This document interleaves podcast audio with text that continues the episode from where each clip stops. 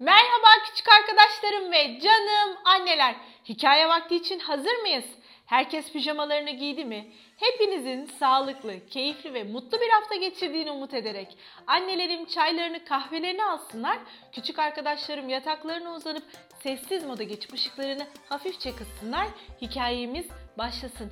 Hikayemizin adı büyümek ve küçülmek. Fil Pampa ve Tavşan Tintin'in çok güzel arkadaşlığını anlatan ve ilerleyen süreçlerde enteresan değişiklikler yaşadığı bir hikayeden bahsedeceğiz bugün. Hazırsanız başlıyorum. Kocaman bir fil olan Pampa ile minik tavşan Tintin çok iyi arkadaştı. Biri çok büyük, diğeri ise küçücük olmasına rağmen birlikte çok güzel zaman geçirirlerdi. Bazen birbirleriyle yarışırlardı, bazen de beraber saklambaç oynarlardı. İkisi de elma yemeyi çok severdi. Yorulduklarında dinlenmek için birlikte meyve suyu içerlerdi. Pampan uzun hortumuyla en büyük ağaçlara bile ulaşır, topladığı elmaları Tintin'e verirdi. Tintin de kısa ve gür çalıların arasında yetişen mantarları toplayıp Pampan'a verirdi. Bir gün Tintin nefis bir elmalı turta yapmıştı. Lezzetli turtayı yemek için arkadaşı Pampan'ı evine davet etti. Ancak Tintin'in evi o kadar küçüktü ki Pampa'nın sadece hortumu kapıdan girebiliyordu. Ertesi gün Pampa mantar çorbası pişirmişti. Arkadaşı Tintin'i birlikte çorba içmek için evine davet etti. Ama minik tavşan Tintin dostu filin evindeki yüksek sandalyeye bir türlü çıkamıyordu.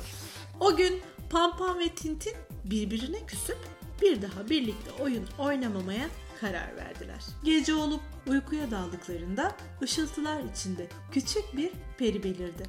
Pampam ve Tintin'e sihirli birer iksir verdi. Bu sihirli iksir ikisinin de yalnızca bir dileğini gerçekleştirecekti. Pampan içinden bir dilek tuttu ve sihirli iksiri içti. Tintin'in de gerçekleşmesini istediği bir tek dileği vardı.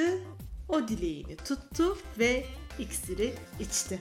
Ertesi sabah birbirleriyle karşılaştıklarında şaşkına döndüler. Tavşan Tintin şimdi bir fil büyüklüğündeydi. Pampan ise bir tavşan kadar küçücüktü. Pampan ve Tintin birbirlerini görünce neşeyle zıpladılar. Meğer Tintin Pampa'nın boyunda olmayı, Pampan da Tintin'in boyunda olmayı dilemişti. Çünkü birbirlerini çok seviyorlardı. Eskiden olduğu gibi yine yarış yaptılar ve birlikte elma yediler. Beraber saklambaç oynadılar. Sonra da birlikte meyve suyu içerek dinlendiler. Ertesi sabah sihrin etkisi sona erdi. Tintin ve Pampan değişerek eski boylarına döndüler. Değişmeyen tek şey ise onların dostluğuydu.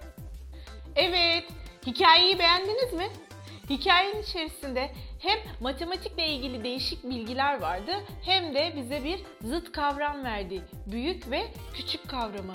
Fil ne kadar kocamansa tavşan bir o kadar ufacıktı. İkisi de birbirini seven, birbiriyle vakit geçirmeyi seven ve farklılıklarına rağmen iyi anlaşan uyumlu bir arkadaşlığın hikayesini e, canlandırdılar bize.